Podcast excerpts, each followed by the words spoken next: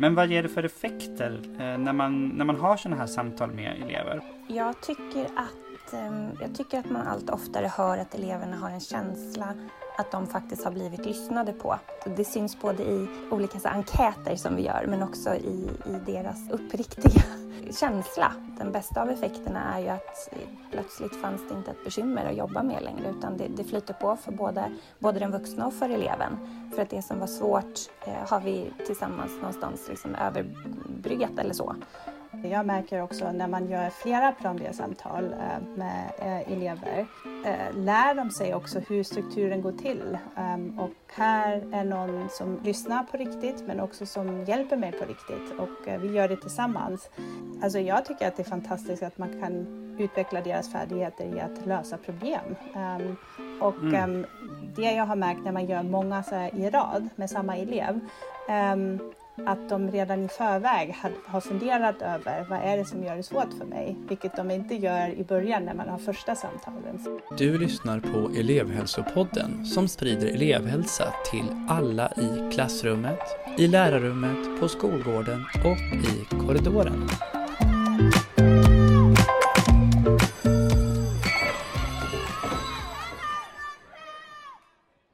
Hej och välkomna tillbaka till eh, elevhälsopodden. En podd som görs av eh, Uppsala kommuns grundskola och centrala elevhälsan. Jag som pratar heter som vanligt Stefan Boström och är legitimerad psykolog.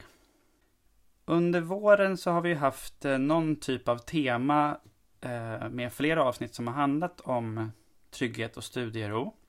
Jag intervjuade ju Ross Green om samarbetsbaserade och proaktiva lösningar, CPS, i förra avsnittet. Och där pratade vi ju en hel del om hur CPS kan användas i skolan.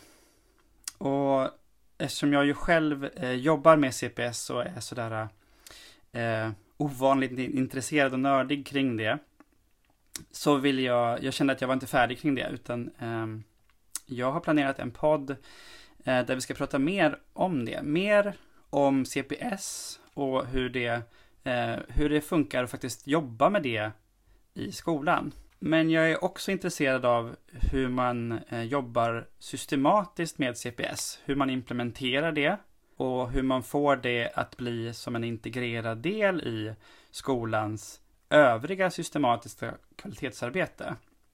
Eh, så att det inte är någonting man gör vid sidan om. Eh, så det tror jag kommer bli ett riktigt spännande poddavsnitt. Och faktum är att eh, nu när jag sitter i klippningen och lyssnar igenom samtalet så märker jag att det var så spännande att det blir två samtal, varav du nu lyssnar på det första. Men åter till poddavsnittet. Och med mig för att prata om det här så har jag två personer. Välkommen Tassia Berg och eh, Malin Svensk. Tack!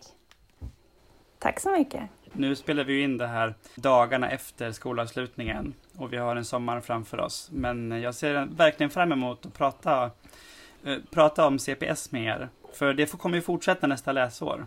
Absolut. Jag tänkte att vi skulle först äh, lära känna er lite grann, vilka ni är. Tassia, vill du börja? Vem är du och vad gör du på jobbet? Eh, ja, Tassia Berg heter jag och eh, jag är också legitimerad psykolog som eh, du Stefan. Ehm, och jag är född och uppvuxen i Tyskland och har gått min utbildning både i Berlin och i Madrid. Och sen 2007 hamnade jag i Sverige och ehm, jobbar just nu inom barn och utbildningsförvaltning som psykolog i Ekerö kommun. Och har, eh, ja, mitt uppdrag består ganska mycket av att eh, eh, har fokus på skolutveckling, implementeringsarbete, förändringsledning och systematiskt kvalitetsarbete. Och en del av det är implementeringen av CPS. Så där har jag ett uppdrag att implementera CPS eh, på förvaltningsnivå och eh, ja, jobbar med, eh, ofta med rektorer, eh, min chef som är chefen för eh, central elevhälsa och eh, eh, även med förvaltningsledningen för att skapa implementeringsplaner ehm, men också att utveckla och leda utbildning och handleda rektorer i sitt implementeringsarbete och utbilda förskole och skolpersonal. Just det. Men du, men hur har du kommit in och jobba med alla de här övergripande eh, frågorna? Var, var, var kommer det intresset från? Oj, vilken svår eh, fråga. Eh, jag tycker generellt att det är um, superspännande att jobba med system och uh, med helheten, att uh, skapa en tydlighet. Och um, det började ju med att, alltså att jag kom in där började ju med att vi började um, implementera CPS i Ekerö kommun um, 2016. 15-16 började vår resa på riktigt. Uh, och jag är en av uh, de som i början gick uh, certifieringsutbildning med Ross Green, så jag är en av några uh, certifierade utövare i Ekerö kommun som um, gör att uh, jag får utbilda uh, andra um, i min organisation uh, inom CPS, alltså för att bli bra på CPS. Och en av dem som var med från början är ju Malin. Just det, Malin. Berätta, vem är du? Yes, jag heter Malin Svensk, jobbar som speciallärare på Närlundaskolan ute på Ekerö. Jag började där som, som lärare för några år sedan Eh, och sen så fick jag möjligheten att eh, vidareutbilda mig till speciallärare eh, och den tog jag. Så att nu är jag färdig eh, Eh, med inriktning mot språk, läs och skrivsvårigheter. Eh, så jag jobbar där. Eh, det är en skola som är eh, eh, från förskoleklass upp till årskurs 6. Vi är tvåparallelligt hela vägen upp, så det är ungefär 400 elever på skolan. Ehm, just nu eh, jobbar väl jag både med enskilda elever, jag jobbar med handledning mot lärare, eh, jag är med i skolans eh, EHT. Ehm, jag jobbar väldigt mycket med att försöka utveckla undervisningen tillsammans med lärarna eh, snarare än att kanske jobba individuellt, med elever. Även fast det ingår såklart i, i, i jobbet. Mm. Ehm, ja, det låter som att ni båda är personer som, som ser helheten och jobbar på alla nivåer på något sätt. Och kanske svårt att inte se helheten. Ja, det stämmer. ja. ja, men det ska bli jätteintressant att, att, att, att se er berätta om, om era helheter och vad ni gör för att nå dit. Jag tänkte att eh, vi ska, ni ska få berätta alldeles strax om hur CPS eh, i Ekerö kommun ser ut. För som jag förstått att det är en ganska stor satsning som har pågått länge, många olika delar. Eh, men för den som eh, kanske inte känner till CPS eh, så jättebra så kanske vi först ska ge en, liksom, en kort introduktion kring vad det är så att man sen kan förstå, okej, okay, det är det man gör på Ekerö och hur det fungerar. Malin, eh, kan, kan du, om du, om du berättar för någon kort så här, som inte vet vad CPS är, vad, hur beskriver du det då? Eh, jag skulle nog börja med den, den liksom huvudsakliga, övergripande, inte sloganen, men, men ändå förhållningssättet som handlar om att barn gör rätt om de kan. Eh, och vi utgår från det. Ehm, och sen tänker jag att, att ehm, de verktygen som vi liksom använder oss av i skolan, de två stora, det är ju dels ett, ett kartläggningsmaterial skulle man kanske kunna säga, eh, ALSUPen, eh, Eh, men också ett, eh, alltså en modell för ett samtal, ett plan B-samtal som vi kallar det, eh, där det finns ganska tydliga riktlinjer för hur man kan lägga upp ett samtal där vi framförallt får med barnets bild, kanske tydligare än vad vi har fått i andra samtal. Ehm, så det är väl liksom de tre grundpelarna jag tänker att man skulle börja med när man introducerar vad CPS är. Just det, ehm, så det är mm. ett förhållningssätt och två verktyg kan man säga. Ja. Ja, just det. Håller du med Tassia? Absolut, nej men jag håller helt med. Jag skulle kanske även slänga in uh, ord värdegrund um, och människosyn um, till förhållningssätt. Um, alltså att det, det, CPS är en modell som hjälper oss att uh, bete oss enligt vår värdegrund som vi redan har i en svensk skola. Och, uh, eh, i Ekerö kommun såklart. Um, och att vi ska se liksom, alla människor som, uh, mm. som vi jobbar med. Just det. Ja, men, ja, men jag, jag tänker så här också att eh, kommuners och utbildningsförvaltningars eh, värdegrund eller värdeord kan ju låta lite olika. Det man har filat fram sådär och skrivit på affischer och i filmer som man presenterar till allmänheten. Eh, men egentligen så, eftersom vi lever i Sverige som ett demokratiskt samhälle och vi har samma läroplan att förhålla oss till, eh, så, så egentligen så ska vi egentligen bete oss på samma sätt. Precis. Och om jag förstår er rätt så tänker ni att CPS hjälper en att äh, agera enligt den värdegrunden?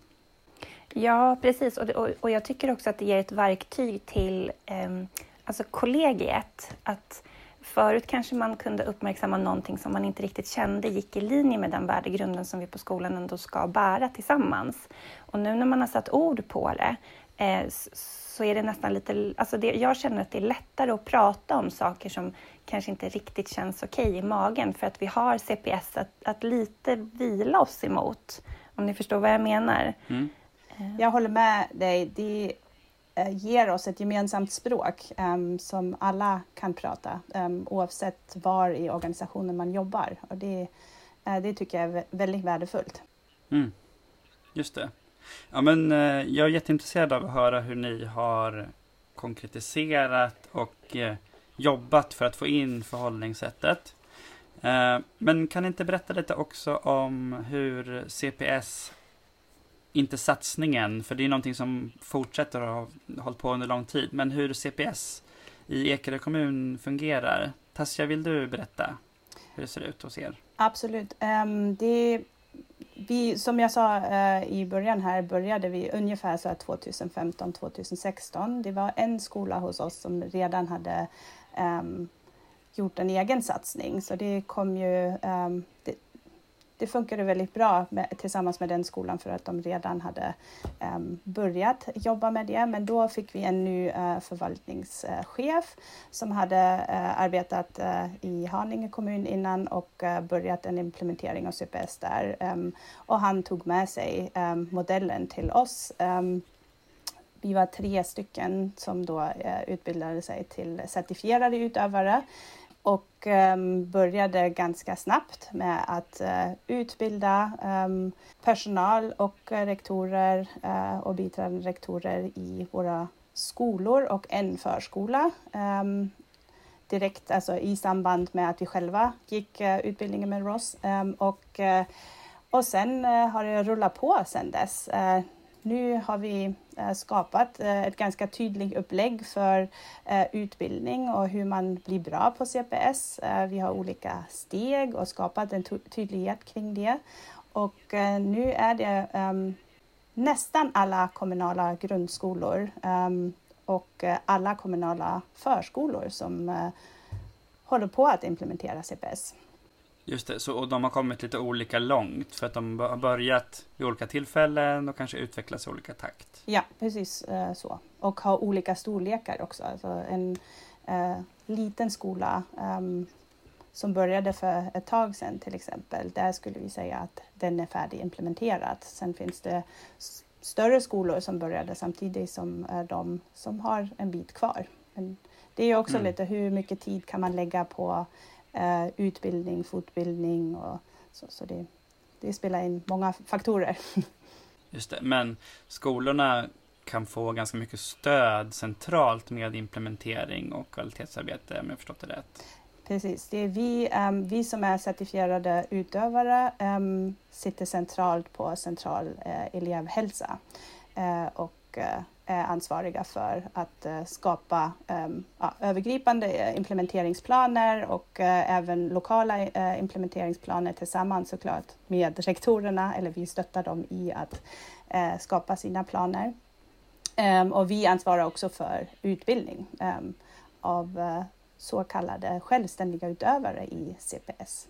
Det, är det liksom en nivå av att lära sig CPS? Precis, vi har tillsammans med um, de certifierade utövare i Haninge kommun um, skapat ett uh, um, ett upplägg uh, med olika kompetensnivåer uh, så att det blir lättare och tydligare med vilka steg behöver man gå för att bli riktigt bra på CPS. Och då vill vi satsa på att många i en organisation blir självständiga utövare och de får en riktigt gedigen CPS-utbildning av oss certifierade. Så att de helt enkelt självständigt kan utföra det arbetet. Exakt. Ja men eh, gud, jag får, jag får så många saker jag vill ställa frågor till er om så jag vet knappt var jag ska börja. Eh, men jag, jag, tror vi hoppar tillbaka till det här med förhållningssättet. För eh, även jag som arbetar med det känner ju också att eh, förhållningssättet är liksom Det är det som genomsyrar Genomsyrar arbetet liksom. Och då tänkte jag börja med er personligen varför ni har eh, valt att arbeta med och fortsätta arbeta med eh, förhållningssättet i CPS. Malin, kan du beskriva ditt eget varför till att du började och sen att du också har hållit i det här med eh, CPS? Just det. Mitt eh, varför från start eh, handlade om att jag eh, såg möjligheten att få åka till Oslo med några kollegor. Ja, trevligt. Det gick ut ett erbjudande i kommunen om att eh, få fortbildning i, inom CPS eh, i Oslo. Så jag tänkte att det låter som en jättetrevlig idé att få åka iväg tillsammans och samverka med eh, flera andra eh, kollegor i kommunen. Eh, men det var som sagt var bara så starten till varför jag hoppade på tåget kan man väl säga. Ehm, och sen anledningen till varför jag håller i det är att jag tycker ehm, att det är ett utmärkt sätt att få med eleven eller barnet i att tillsammans försöka göra någonting åt en situation som inte riktigt funkar i dagsläget. Eh, jag tycker att, att ehm, verktyget plan B är fenomenalt på att lyfta elevens bild och att man inte hamnar i någonting som vi kanske allt oftare gjorde förut i massvis med vuxenteorier kring varför det är svårt för det här barnet i olika situationer och att man verkligen får en möjlighet att lyssna in. Eh, sen tänker jag också att, att eh, förhållningssättet eh, det, det, blir en tankevända som, som blir väldigt nyttig. För att någonstans om man också tittar så historiskt kring hur vi har beskrivit barn som, som, som inte riktigt eh, eh faller inom normen eh, har ju gått från att det någonstans på 50, 60, 70-talet pratades om idioter till att det eh, kanske faktiskt handlade ganska ofta om att beskriva beteendet eh, nu liksom på de senaste åren. Att man ser ett beteende och lägger så mycket fokus på det. Att eleven spottas eller rifs eller eh, springer ut eller så. Och så tar man inte riktigt reda på vad det är som ligger till grund för att det är svårt. Mm. Um, och, och, här, här kan man göra det och kan man liksom vända eh, många i, i, i personalen och bland pedagogerna till att fundera i de tankebanorna istället för att fastna i eh, ett bekymmer kring ett beteende. Så. Mm. Just det. Ja. ja, men fint och tydligt. Man får en bild av verkligen varför du vill jobba med det. Ja. Tassia, du då?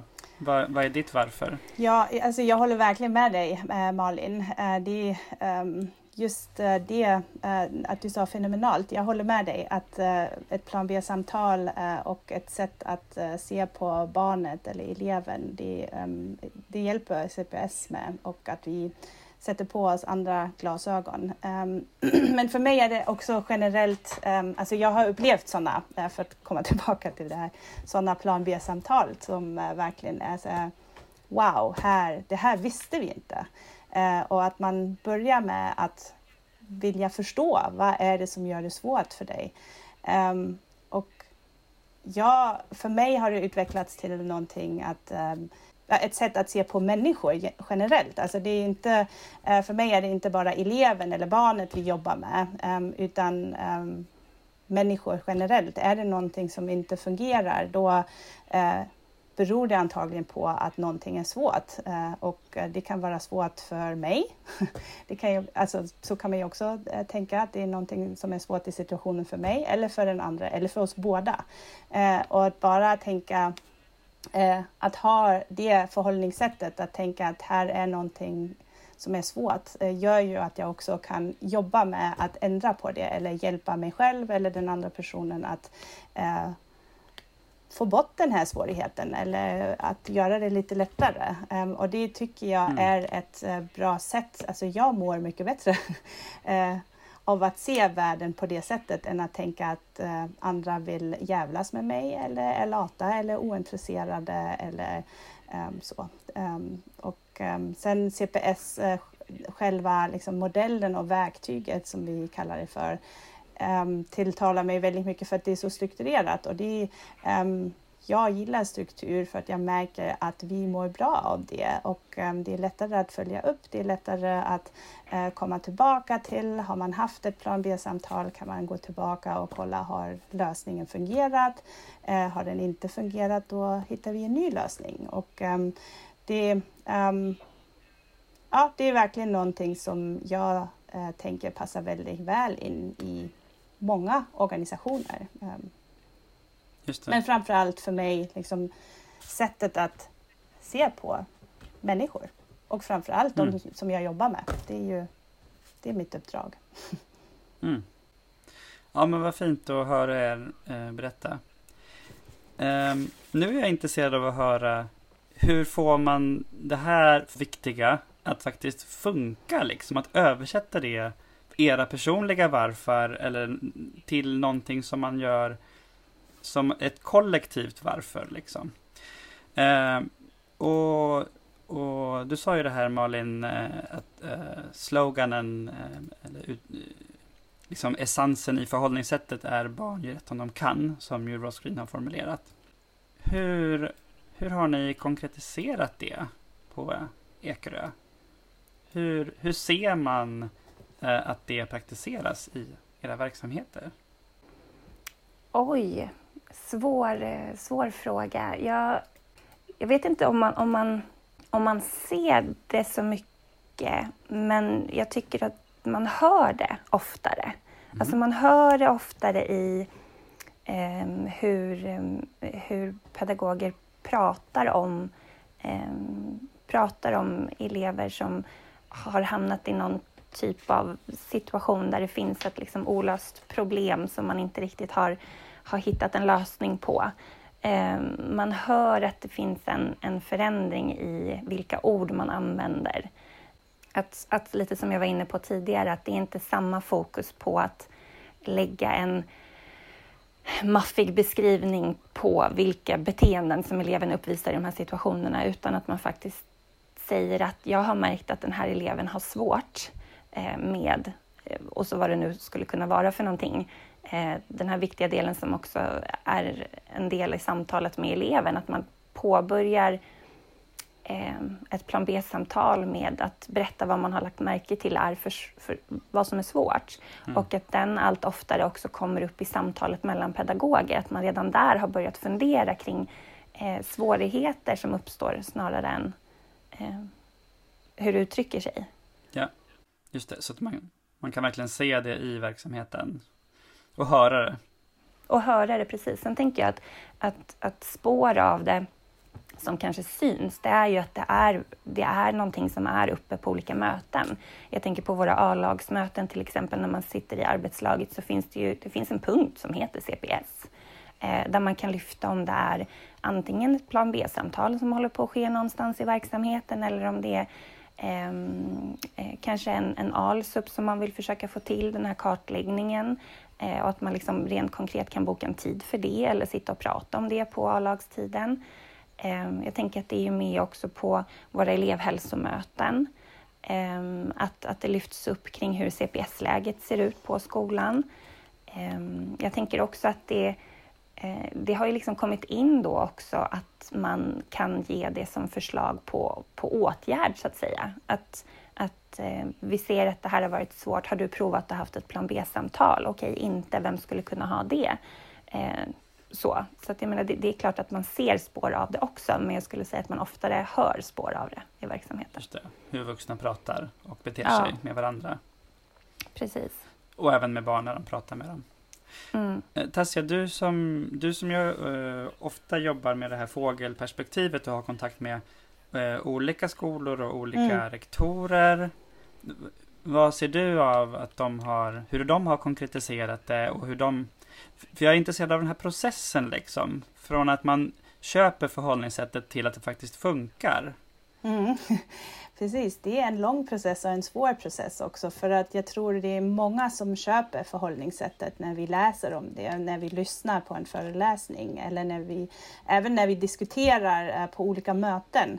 Eh, men sen det svårare är ju att omsätta det i eh, vardagen och omsätta det i verkligheten och i allt jag gör när jag jobbar på en skola. Och, um, um, det, det är den svårare biten och där finns ju um, några rektorer som jag uh, samarbetar med som verkligen satsar på att få ut det från liksom, mötesrummet till uh, uh, rummet där barnen är eller till, till gården och um, hur kan vi um, förhålla oss till barnen på det sättet som vi har snackat om. Um, och det är inte lätt. Och uh, hur, hur, hur gör man då? Ibland eh, är det ju ett exempel från en förskolerektor är att de har haft eh, så här, temaveckor um, och jobbat med det och tänkt kring att uh, i den här veckan ska vi inte prata om bekymrande beteenden um, och uh, att man feedbackar varandra och kan påminna varandra och, och uh, för att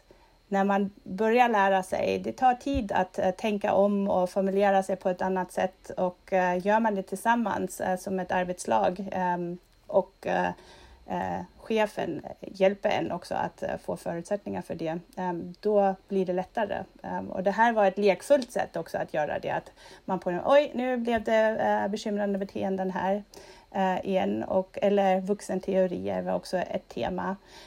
och det är ju så som vi pratar så tänker vi och tvärtom och eh, eh övar man på att prata annorlunda med barnen och om barnen eh, får man in det. Eh, men det krävs konkreta liksom, ehm, aktiviteter för att komma från eh, diskussioner och att alla håller med till att man gör. Mm. Sen har jag, eh, hade jag lite fler tankar kring det, alltså när Malin pratar mm. om hur man hör. Eh, eh, jag tänker också att man ser Malin och jag tänker också att man ser det på eran skola. Där jag har jobbat även som en del av elevhälsoteamet. Att när vi tittar på till exempel kartläggningar och åtgärdsprogram har vi sett att det fanns en, en skiftning från innan vi började implementera CPS till hur man formulerar sig eh, i åtgärdsprogram ehm, under tiden och nu när vi har kommit väldigt långt. Eh, eh, så det, det är eh, just den här skiftningen även i skrift från beteendebeskrivningar och många utmanande eller bekymrande beteenden till att vi tänker kring svårigheter och olösta problem. Mm. Men har, eh, har all personal eh, lika lätt att göra den här synvändan då?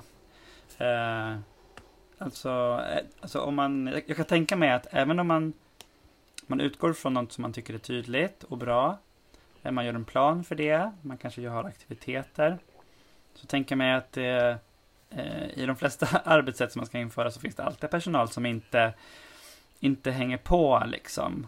Eh, jag kanske ska säga att de har svårt att anamma förhållningssättet. vad, vad, tänker ni om det? Vad, vad, gör man, vad gör man då? För det kan ju vara väldigt frustrerande, kan jag själv känna. Eh, ja, alltså jag, jag tänker att ehm, eh, på en skola generellt så skulle jag nog säga att det finns, eh, det finns, det finns en klick som, som hoppar på, sätter sig in och vill köra direkt. Det finns en, ett, en liksom mellanklick som, som känner att ja, men det här verkar fint och bra. Eh, ni andra kan dra och så hänger vi på. Och så finns det en liten klick som kanske då snarare har lite svårt att anammas, precis som du uttryckte det. Mm. Eh, och jag tänker att så som vi har, har jobbat med det är väl kanske att inte, inte så mycket uppmärksamma de som har svårt att hoppa på tåget utan snarare bygga på på dels de som är med direkt från start men också det här mellangänget för att kanske få med de andra på tåget lite så under processens gång. Mm.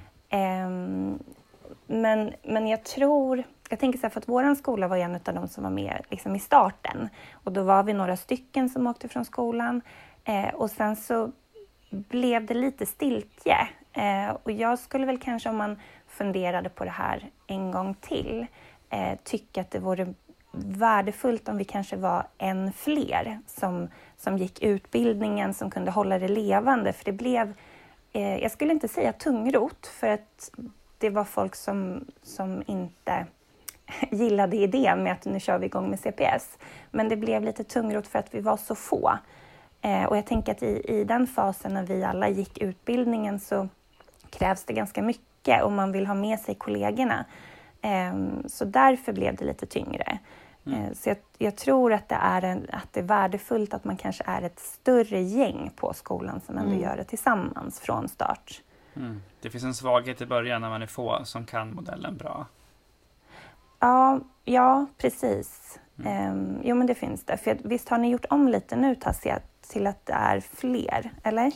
Alltså det är ju varje rektor som bestämmer själv hur mm. man vill lägga upp det. Um, och um, jag har också funderat väldigt mycket över det. Hur skulle jag göra om jag skulle göra om det? Och jag har funderat väldigt mycket kring hur skulle jag göra om jag skulle göra det på en, uh, en skola? Um, och uh, det du pratar om det här med att flera som går utbildning, det är, ju, det är ju utbildning till att bli självständig utövare och det är ju de som verkligen kan Eh, Eh, kartläggningsmaterialet alls upp eh, riktigt bra och eh, hålla i problemlösningssamtalen, plan B-samtalen på ett jättebra sätt. Och ehm, jag tänker att vi, för att få med de andra behöver man några stycken som är riktigt bra.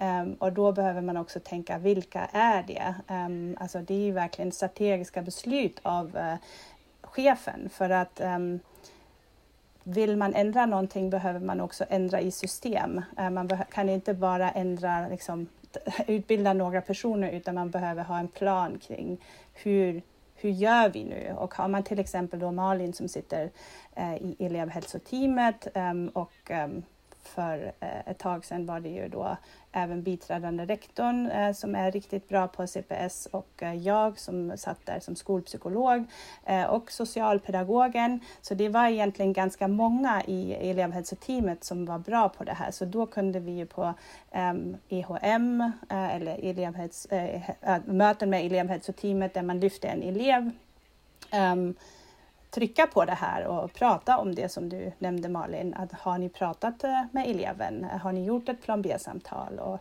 um, uh, och det, det, behöver man ju i flera led i organisationen, inte bara i elevhälsoteamet.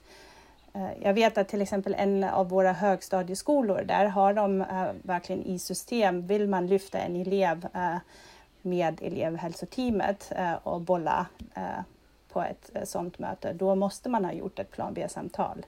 Eh, och, eh, och det till exempel är ju ett sätt att få in det mer i strukturer. Um, jag tror också det är någonting som Ross pratade om när du hade intervjuade honom för elevhälsopodden. Um, mm. Att ändra strukturer. Um, det, det tänker jag är viktigt.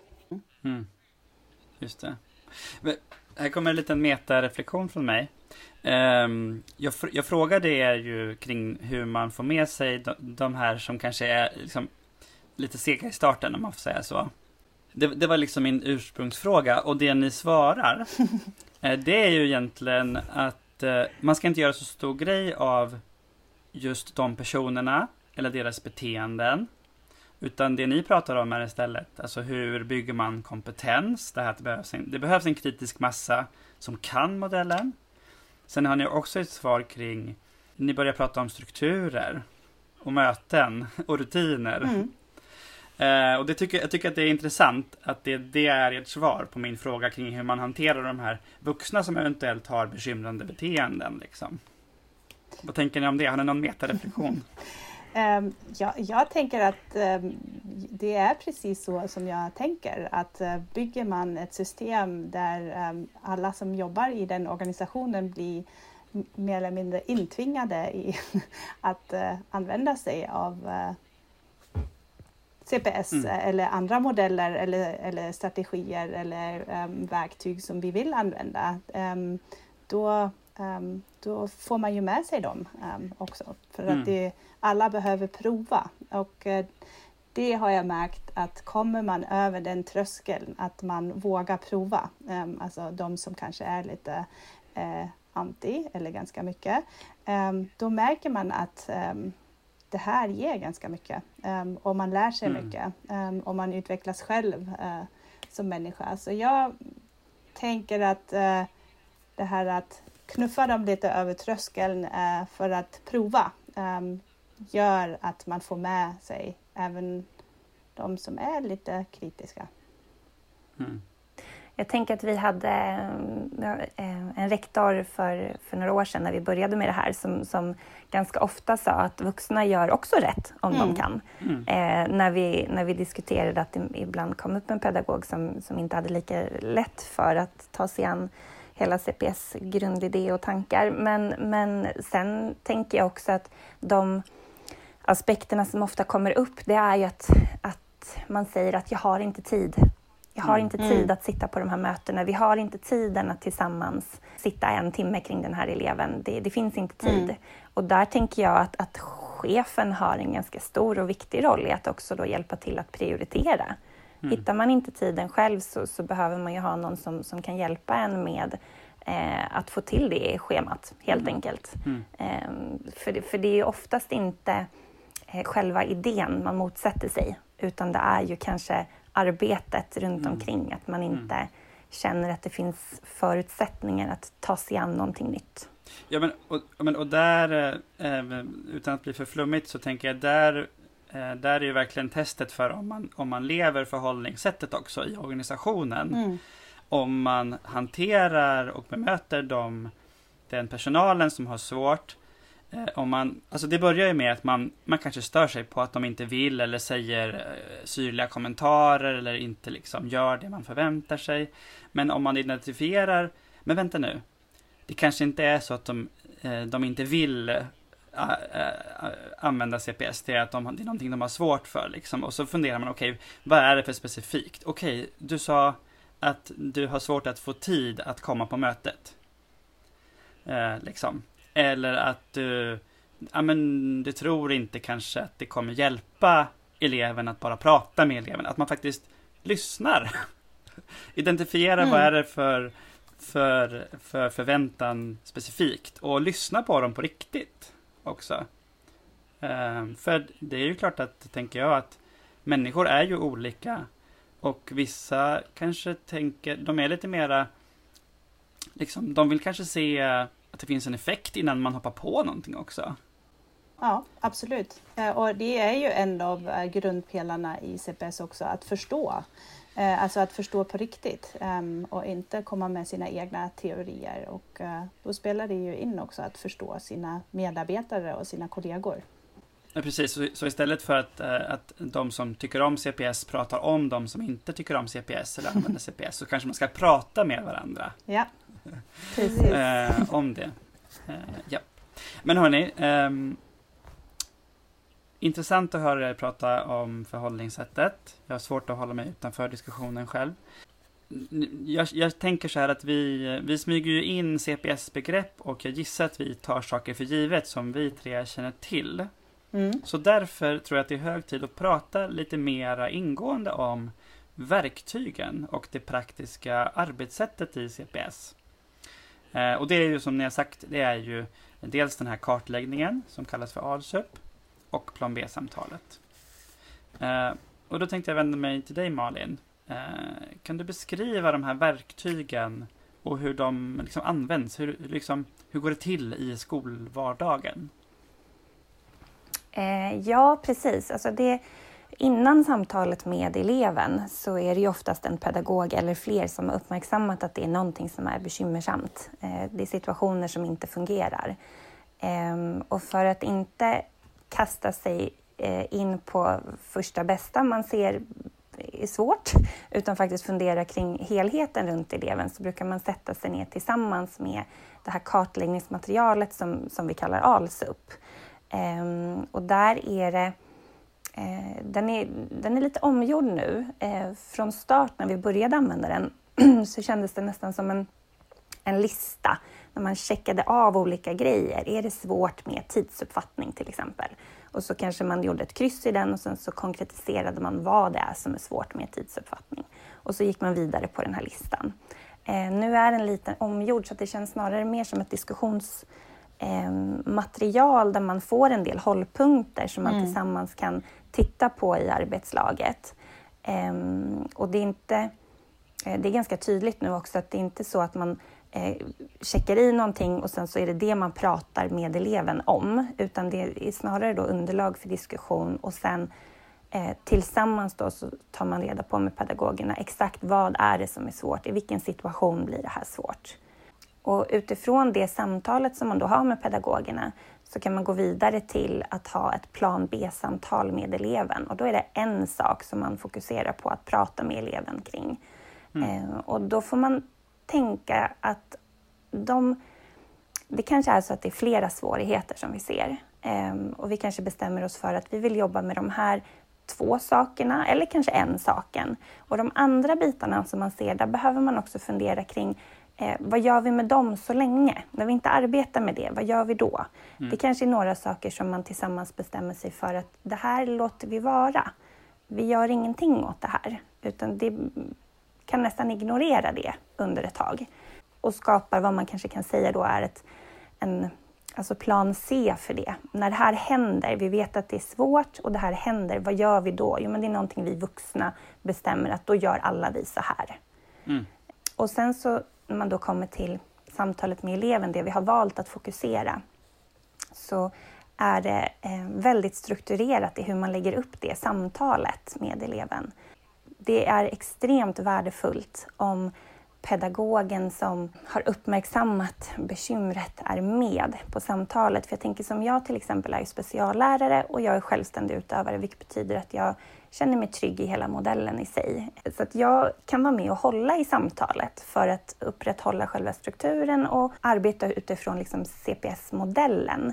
Men pedagog, det är kanske inte jag som, som är i situationen där problemet uppstår, utan då ta, vill jag ha med mig pedagogen på det samtalet som, som, eh, som mm. vad kan man säga, äger det eller, eller är med om det. det. Och samtalet med eleven brukar jag alltid inleda med att berätta för eleven hur, hur samtalet kommer se ut. Eh, mm. väldigt kort, att jag berättar att det, vi ska gå, gå igenom tre steg tillsammans. I det första steget så vill jag ta reda på så mycket som möjligt om hur du tänker kring det här. I det andra steget så kommer jag och pedagogens namn eh, berätta varför vi eh, vill lyfta det här med dig, vad som kan bli bekymmersamt. Och i det tredje steget så ska vi försöka tillsammans eh, komma fram till en lösning så vi kan göra det här lättare för alla inblandade. Ungefär så. Eh, och i den bästa av världarna, eller jag brukar se till att det finns en whiteboardtavla i närheten, så kan man också rita upp det här så att det blir någon typ av liksom bildstöd man kan förhålla sig till så att mm. eleven också är med på var vi är någonstans. Just det, vad bra. Men kan du ge, eh, du sa ju att man först gör kartläggningen Eh, och då, yep. först så, så, sa du att man identifierar liksom vad det är då för eftersläpande färdigheter och sen så går man över i att konkretisera det på ett visst sätt. Kan mm. du ge ett exempel? Och det är det man sen tar med sig i plan B-samtalet? Ja, men precis. Kan du ge ett exempel på ett sådant eh, problem? Hur det kan låta så att man får en känsla för exakt vad det är man pratar om? Just det. Då kan det ju vara så att, så att vi i arbetslaget har funderat kring, vi ser svårigheter vid olika övergångar för en elev. Eh, men att säga till en elev att jag har märkt att det är svårt i olika övergångar, det blir jätteluddigt och, och inte alls så svårt att fatta vad vi menar då. Utan då vill man konkretisera det till att berätta kanske, inte när, var och hur, men, men lite åt det hållet. Och att man då till eleven kan säga att jag har märkt att det är svårt att gå till lunchen efter mattelektionen. Mm. Eller att jag har märkt att det är svårt att stå i kön eh, till matsalen. Alltså att man, man väldigt tydligt konkretiserar det där stora problemet till en aktuell situation. Mm. Ehm, och sen, sen finns det ju olika, um, olika ord som jag vet att vi, vi ska försöka så här, undvika när vi pratar med barnen, att man vill inte slänga dit eh, för många inte till Mm. exempel i den där meningen. Jag har märkt att du inte kan stå i matsalskön, för det blir negativt och det blir jättesvårt att ta sig vidare ur det. Det blir inte så lösningsfokuserat. Nej, just det. Ehm, och att man inte heller har någon så här förutfattad mening om kanske när. Alltså jag märkte att det är svårt att gå eh, till samlingsmattan när eh, fröken säger till alla i klassen. För att det kanske inte är när fröken gör det, utan det kanske faktiskt är någonting annat som händer. Mm. Eh, och jag tänker att de där små detaljerna eh, är ganska viktiga, men, men det var superklurigt att lära sig dem. Just det, så att, så att liksom eh, Eh, en hel del av eh, fram, att framgången i samtalet, det kan bero på att man faktiskt har gjort ett sånt här tydligt och bra olöst problem. Ja, men precis. Men sen, sen tänker jag också att det känns ju inte som man vill omkullkasta ett helt ALSUP-arbete eh, genom att säga att ibland funkar det att man inte har gjort det heller. Mm. Eh, för jag tänker att ibland så stöter man ju på någonting i, i verksamheten. I, i liksom under, under en lektion så kan man stöta på någonting. Eh, och istället för att använda sig av eh, gamla metoder där man ställer sig och berättar för eleverna att nu blev det jävligt fel. Oj, förlåt, jag kanske inte får svära. Eh, man ställer sig och berättar för eleven att här blev det jättefel. Eh, så drar man ett jättesnabbt plan B-samtal där och då. Mm. Så, att, så att det behövs ju inte alltid det supergrundläggande arbetet så länge man känner sig bekväm i hur man kan prata med en elev om Just det, så att om man, man, om man har lärt sig det här hur man gör ett olöst problem, då är det mycket lättare att eh, on the fly eh, formulera ett och kanske ta upp ett i ett samtal direkt med en elev. Precis, Just det. precis. Och där skulle jag gärna vilja flika in. Jag får jättemånga tankar här, eh, Malin. Ja, Ehm, Kör. för att just det där med on the fly, ehm, det, egentligen tänker jag att det är målet eh, för de flesta, att kunna göra plan B-samtal on the fly. För att ehm, vi, vi pratar ju med barn, eller eh, ni som jobbar ute Eh, på skolorna och på, eh, i klassrummet och på skolgården. Eh, ni löser problem med elever och barn på förskolorna också varje dag och pratar med eleverna och barnen varje dag.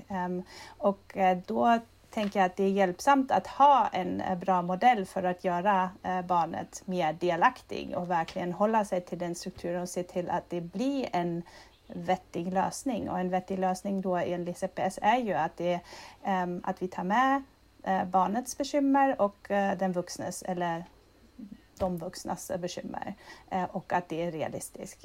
Um, och det, um, att kunna göra det on the fly, då måste man kunna, alltså då behöver man lära sig ganska mycket och det är det som jag ibland brottas med när jag försöker utbilda, att många tänker att det här kommer att vara ett möte som man går till i ett rum och man sätter sig och behöver anteckna. Och, um, och det gör vi ju ibland. um, men de flesta um, konflikter eller problem eller saker som vi pratar om med eleverna, det gör vi inte under ett möte där vi sätter oss eh, i personalrummet eller hos specialläraren utan ehm, det händer på gården eller i eh, matsalen. Och, ehm, och eh, mitt mål egentligen med att utbilda så många som möjligt är ju också att alla känner sig bekväma med att göra det on the fly. Men för att kunna göra saker on the fly behöver man vara ganska bra på det Ehm, och då behöver man öva och träna. Mm. Ja men, men precis, Tassia kan inte du berätta lite mer? För Malin kom ju in på att man, när man väl har gjort eh, ett bra eller tillräckligt bra olöst problem, då ska man prata med barnet och då sa hon att det var tre steg som hon Mm. förklarade för, för barnet i början av samtalet. Mm. Vad, vad är de tre stegen? Hur går det till Tassia? Mm. Eh, första steget kallas för empatisteget och eh, jag tänker egentligen Malin har förklarat det på ett jättebra sätt. eh, och oh, okay. det, ehm, jag vet inte om vi behöver gå in eh, jättemycket mer men under empatisteget som Malin sa är det ju så att vi vill lyssna på barnet och ta reda på varför är just det här som jag förväntar mig av dig eller någon annan eh, vuxen förväntar sig eh, svårt för dig? Eh, vad är det för hinder, vad är det för bekymmer eh, barnet har? Och då har vi eh, några frågetekniker eh, som vi använder oss av och som man också lär sig när man lär sig modellen som är eh, hjälpsamma för att få ut information för att många barn säger ju i början jag vet inte um, uh, och har själva inte reflekterat uh, kring um, varför någonting är svårt och det gör vi även vi vuxna inte alltid. Varför är det här svårt för mig egentligen? Alltså först måste man ju identifiera att det är svårt eh, och vad mm. som är svårt och sen fundera över vad är det som gör det svårt för mig? Det är ganska mycket som krävs av eh, en människa och, eh, att, mm. Eh, och, och, för det har vi då, de som håller i samtalet, eh, några eh, tekniker som man kan använda sig av ehm, och och de, ehm, ja, det är frågetekniker som handlar om att få ut mer information och också ha ett respektfullt bemötande gentemot eh, barnet. Då. Mm. Um, och när man, när man uh, har säkerställt att man är klar med den delen, um, och den tar oftast längst tid i början, uh, att uh, få den här informationen. Um, och ibland behöver man dela upp det vid, till på till, flera tillfällen också. Um, men när man uh, tänker att nu är jag klar och det frågar man också då. Ehm, är det någonting mer som gör det svårt för dig att uh, ställa dig i kön uh, innan vi går in till matsalen? Um, och om barnet då säger nej, nu är det klart och man också själv känner att ja, men det, det stämmer nog.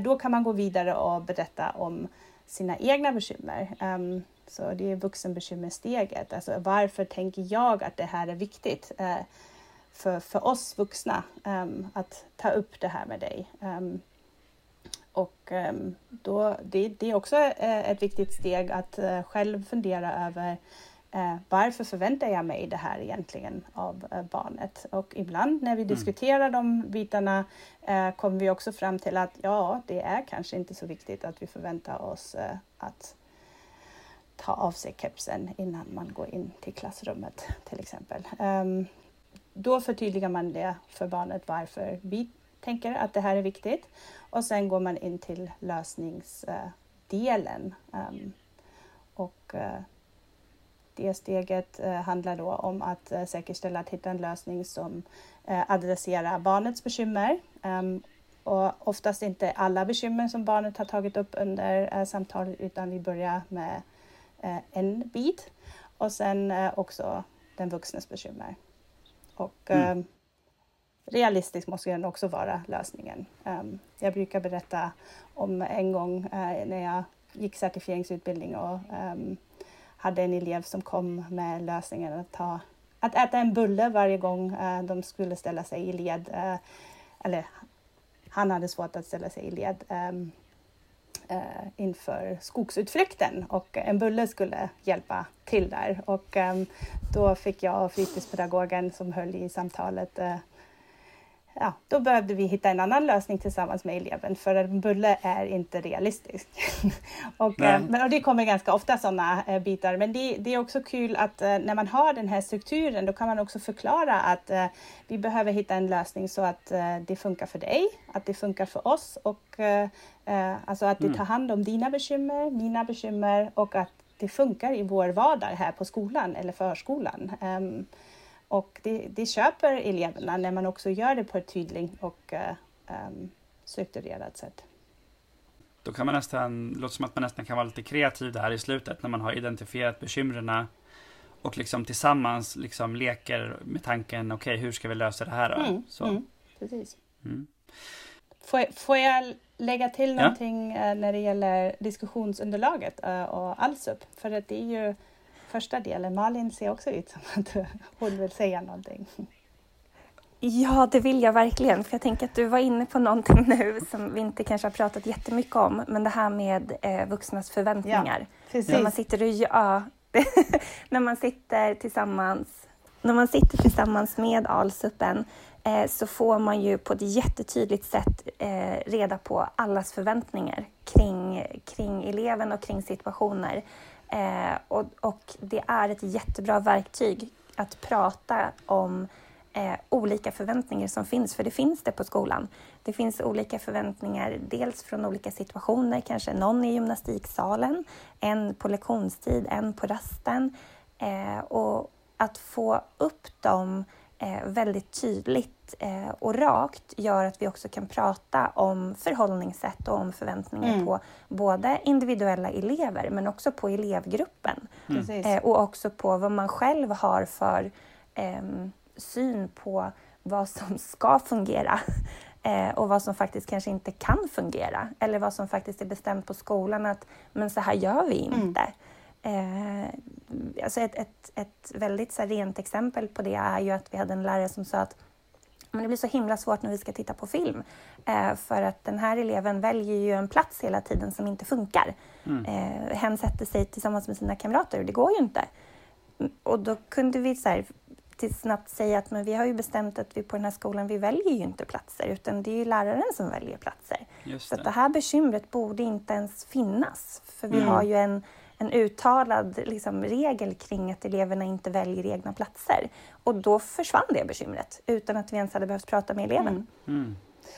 Så, mm. så, så, stämmer det att liksom, om man jobbar med ALSUP eh, så redan, så ALSUP är ju ett verktyg för en enskild elev, men om man jobbar med det i personalgruppen så kan man redan där se en effekt för att vi vuxna börjar jobba eh, med våra förväntningar, våra gemensamma förväntningar. Stämmer det?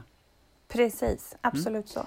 Precis, och det är den tanken jag fick eh, redan i början när du pratade om eh, eh, alltså Per eh, Malin. För att um, jag ser ju att många um, skolor och framförallt förskolor hos oss använder sig av Allsup mer på det här sättet än att göra en kartläggning kring, kring en individ. En, en utförlig kartläggning kring vissa elever gör vi ju i vissa fall, men inte med alla elever. Men att, eh, att sätta sig med sina kollegor och diskutera eh, kring vad mm. har vi för förväntningar? Är våra förväntningar tydliga? Um, Realistiska? Precis, har vi samma mm. förväntningar? Um, och det, det är sånt som kommer upp där och därför tänker jag att um, Ehm, ja, om vi bara ser Allsup som ett verktyg eh, för att eh, göra en kartläggning kring en elev, då är, är det tidskrävande såklart. Ehm, men mm jag ser så många andra fördelar och egentligen skulle jag vilja använda alltså mer eh, på det här sättet, att vi tänker grupp och att vi tänker att vi, vi har ett sätt att eh, prata om hur arbetar vi här eh, på den här skolan eller i det här arbetslaget och eh, som du mm. tog upp här Malin, det finns ju ehm, kanske arbetssätt som vi har på en skola men som alla inte har koll på. Vad, hur tänker vi kring eh, kepsfrågan eller hur tänker vi kring eh, välja platser? Um, och vi får nyanställda och det är inte alltid lätt att förmedla hela, liksom, alla våra regler och alla våra arbetssätt uh, här, i, i klump. Så det, mm. det, en, en Allsup är um, um, ett bra verktyg för att uh, få ihop gruppen och det gör också att vi uh, skapar ett bättre arbetsklimat i arbetslaget. Um, för att vi är mer sammansvetsade och man blir um, man pratar ihop sig och man får koll på, man får syn på att andra tänker annorlunda och vi behöver prata ihop oss. Hur tänker vi tillsammans? Um, vilket man ibland mm. inte gör. Nej. Ja, men då, jag, jag associerar till att ju alla skolor ska ha ordningsregler. Eh, och det är ju eh, det, det är ju inte så att man en gång sätter ordningsregler och sen så kan alla följa dem. Eh, och det är inga problem. Förväntningarna, alltså som man då sen, sen skriver ner i eh, ordningsreglerna, de förändras ju tänker jag hela tiden. Och som du säger, det kommer nya personal och det, det, det behöver vara ett levande arbete mm. och då hjälper Alsup en i det arbetet. Ja, det, mm. det, hjälper också att få syn på uh, förväntningar som vi har på varandra. Hur tänker vi kring möten? Uh, förväntar vi oss att man kommer i tid till ett möte? Um, eller förväntar vi oss att um, alla uh, räcker upp handen och antecknar någon gång? Eller är det alltid samma, samma person som är sekreterare? Mm. Och, alltså det, det, är också sånt som man, uh, man behöver sätta ord på och prata om. Um, hur går mm. vårt samarbete till? och det, ja. det, alltså, jag, jag tänker att uh, arbetet med att formulera olösta problem handlar ju om att egentligen bli bra på att formulera förväntningar. Eh, och vara tydlig. Eh, för mig är det att tydliggöra pedagogik med eh, hela organisationen. Så det, um... jo, jo, men och det blir ju också tydligare för, för eleverna när man, när man mm. i ett samtal uttalar sin förvänt, förväntan. Mm. För de kanske inte ens vet att de har ett bekymmer. Eller ja. alltså, det, det, de kanske inte ens har identifierat det för att de tänkte kanske inte att det var så viktigt. Mm. Och man kan sätta ord på det mm. Eh, så blir det ju väldigt, väldigt tydligt för eleverna också. Precis, jag, jag gjorde en allsup senast den här veckan med ett uh, arbetslag med fritidspedagoger och uh, där kom det fram till, alltså då, då listade vi uh, några olösta problem och ett olöst problem kom de fram till att ja, men det här, här har vi inte varit tydliga. det handlar om fotbollsregler ute på gården och um, de tyckte att den här eleven som vi pratade om hade svårt med att hålla sig till fotbollsreglerna men um, deras uh, slutsatsen var ja men vi har inga tydliga fotbollsregler och uh, vi har kanske olika regler beroende på vilken fritidspedagog som är ute. Och, så det var deras uh, första steg då kring det här, den här förväntan, ehm, att jobba med att tydliggöra förväntningar. Ehm. För alla elever och inte bara den här specifika eleven som vi pratade om. Mm. Ja, så ALSUP är ett användbart verktyg, eh, inte bara ja. för enskilda elever utan för i olika, eh, olika konstellationer mm. där mm. människor möts, som man säger så. Jag tänkte på det andra verktyget, plan B-samtalet, som ni ju båda har beskrivit. Bra. Så vad ger det för effekter? Alltså, alltså okej, okay, man kommer fram till en lösning. Men vad ger det för effekter liksom eh, när, man, när man har sådana här samtal med elever? Vad tänker du Malin? Jag tycker att, ehm, jag tycker att man allt oftare hör att eleverna har en känsla att de faktiskt har blivit lyssnade på. Eh, vi har en socialpedagog på skolan eh, som, som också brukar ha uppföljande samtal där hon, där hon frågar rent ut, så här, känner du att du har blivit lyssnad på? Eh, och eleven, ah, jag skulle inte säga att det är någon som inte känner det, utan att man faktiskt får eh, man får som elev en, en möjlighet att, att eh, prata ganska ostört eh, och bli lyssnad på. Ehm, så att den effekten att man ehm, man får lite så här, eh, svart på vitt att man eh, har, inlys alltså man har elever som blir lyssnade på och det syns både i i um, olika så, enkäter som vi gör, men också i, i deras eh, ja, men, så här, uppriktiga eh, känsla på mm. något sätt. Inte bara att man kan kryssa i det på en enkät, utan att man också eh, känslan hos eleven. Det är svårt att ta på, men man ser den på något sätt. Sen tänker jag också så här, effekter jag menar, ibland, ibland ser vi att det som har varit bekymmersamt finns inte längre för att man tillsammans har hittat en bra lösning. Eh, och ibland så ser man att det, den lösningen vi kom fram till eh, höll i två dagar och sen höll det inte längre. Så att, och då behöver man ta ett nytt samtal. Så att jag menar, man får ju man får ju också ganska svart på vitt om det man har kommit fram till funkar eller inte funkar. Mm. Mm. Eh, så att jag menar, den, den, den bästa av effekterna är ju att eh, plötsligt fanns det inte ett bekymmer att jobba med längre utan det, det flyter på för både, både den vuxna och för eleven. För att det som var svårt eh, har vi tillsammans någonstans liksom överbryggat eller så. Um, så det är väl de två jag kommer på direkt mm. nu. Mm. Jag, jag kan eh, lägga till att eh, jag märker också när man gör flera plan B-samtal eh, med elever och lär de sig också hur strukturen går till ehm, och de, de är verkligen med på hur det funkar. Att först är det jag som får berätta vad som är svårt och sen berättar min lärare eller min förskollärare. Ehm, och, och sen hittar vi en lösning. Alltså att de märker att Um, här är någon som lyssnar på riktigt men också som hjälper mig på riktigt och uh, vi gör det tillsammans. Och, alltså jag tycker att det är fantastiskt att man kan utveckla deras färdigheter i att lösa problem. Um, och mm. um, det jag har märkt när man gör många så i rad med samma elev, att de redan i förväg har funderat över vad är det som gör det svårt för mig, vilket de inte gör i början när man har första samtalen. Så det, jag har verkligen sett en utveckling um, kring deras problemlösningsförmåga egentligen um, och reflektera över sig själv och hur man fungerar och hur man, vad man tycker är viktigt och hur man känner. Och, mm. Mm. Och, och, vi ska ju alldeles strax komma in på, så att ni, ni, det ni säger nu också, det är att, ja, men, att man utvecklar kanske problemlösningsförmågan hos barnet. Men jag gissar att det är ju väl också så att den vuxne som lär sig CPS också lär sig problemlösning bättre. Det är svårt att veta för man vet inte riktigt vad utgångspunkten var. Jag tänker att ibland kanske man var riktigt duktig på att lösa problem tillsammans med elever fast man inte hade verktyget att jobba med. Just det. Eh, så. Men, men eh, jag tänker att eh, ehm, just effekten att, att göra någonting eh, tillsammans skapar ju, tänker jag, eh, bättre relationer mm. också. Alltså, eh, det är klart att vi har en lärare och en elev, eller en fritidspedagog och en elev, eller förskollärare och, och elev. Eh, men, men eh, relationen, att man på något sätt eh, hittar varandra i samtalet mm. leder ju också till att man kanske i situationer längre fram bara behöver ge en blick. Alltså eleven kanske bara behöver ge en blick som, som läraren kan uppfatta att okej, okay, nu ser jag att det här blir svårt. Mm. Eller å andra sidan att, att den vuxna behöver ge en blick och, och eleven förstår att mm, nu kanske vi inte är på väg åt rätt håll. Mm. Eh, alltså det, det, den effekten är ju också eh, liksom relationsbiten eh, yeah. ganska häftig att se.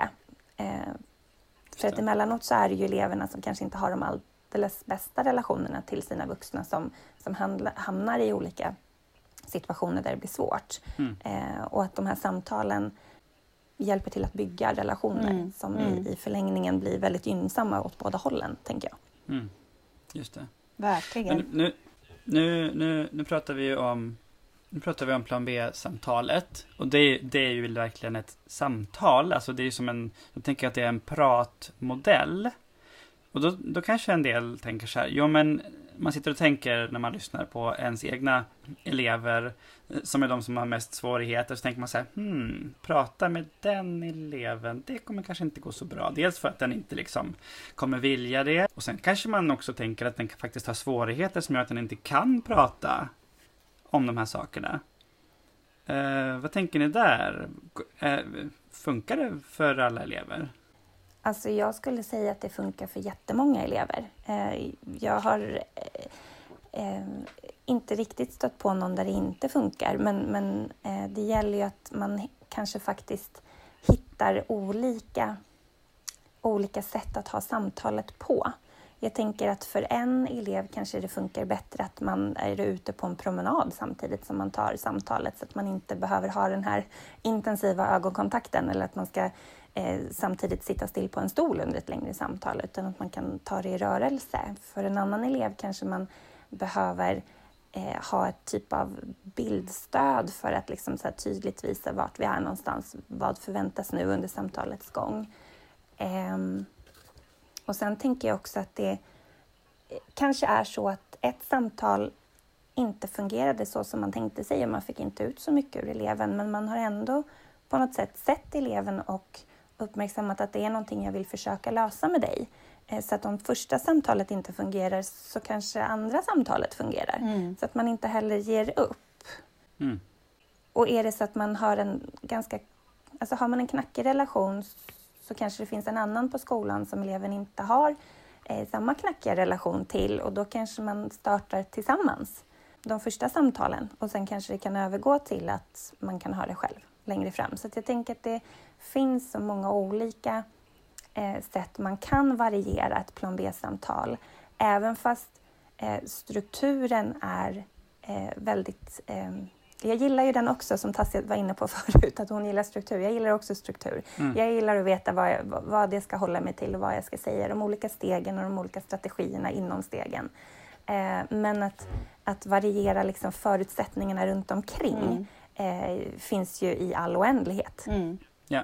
Och det bygger ju på din kompetens också. Inte, inte avgörande av modellen, utan hur anpassar du för elever generellt? Nej, men pre- precis, Mm. precis. Och, där, och där har vi ju ett helt kollegie som säkert kan eh, bidra med olika idéer om, om första eh, försöket inte fungerade, tänker jag. Mm.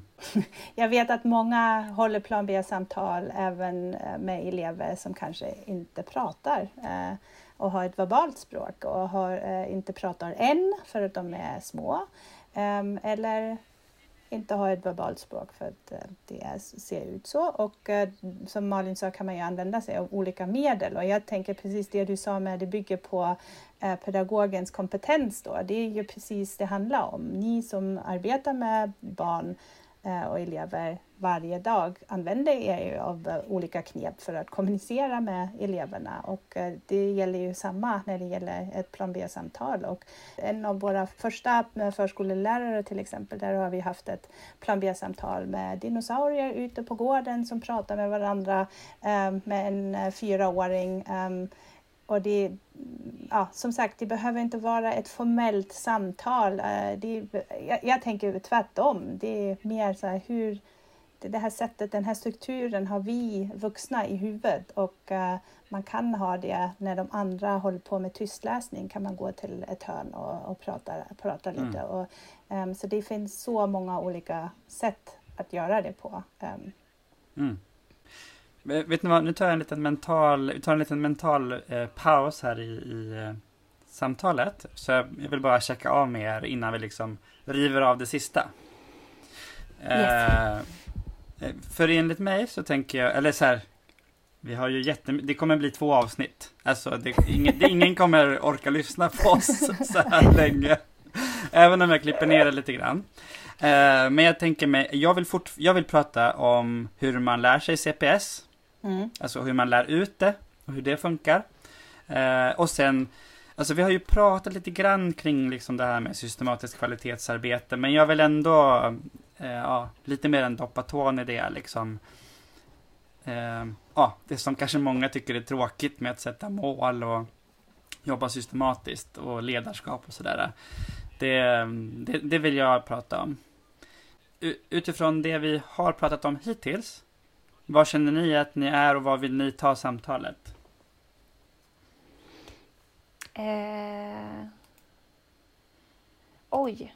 Jag, alltså för jag var jätteinne på att vi inte hade varit och touchat på det där kring förväntningar, men nu Mm. känns det som att vi ändå Ja. har, har gjort det ordentligt. Mm. Mm. Ehm, för det bra. var väl den som jag satt och tänkte på eh, ganska länge. Eh, men, ehm, nej, men det är väl jättebra att tänka kring eh, lite det som du säger. Just här, hur lär man ut det? Hur, hur, hur kommer man igång? Ehm, det systematiska tror jag Tassia tycker är roligare. Ja, fast det är ju precis, eh, jag, jag tycker att det är jättebra att du också snackar om det, för att det är ju precis det systematiska i det lilla. Att du har ett plan B-samtal eh, och vet vad ni har pratat om, vet vad lösningen är och kunna följa upp det istället för att vi pratar om massor med saker eh, och så kändes Ja. det bra men det hände ingenting efteråt. Det är ju det som är Mm. fördelen med CPS. Mm. Men det systematiska i det Mm. hela tror jag också att det kan bidra med. Alltså, du är ju Mm. med Mm. och följer upp på, med elevhälsoteamet och alla CPS-are. Eh, hur går arbetet? Eh, ni, har- ni har, alltså, på Närlunda har ni ju fantastiskt ska eh, rull. Mm.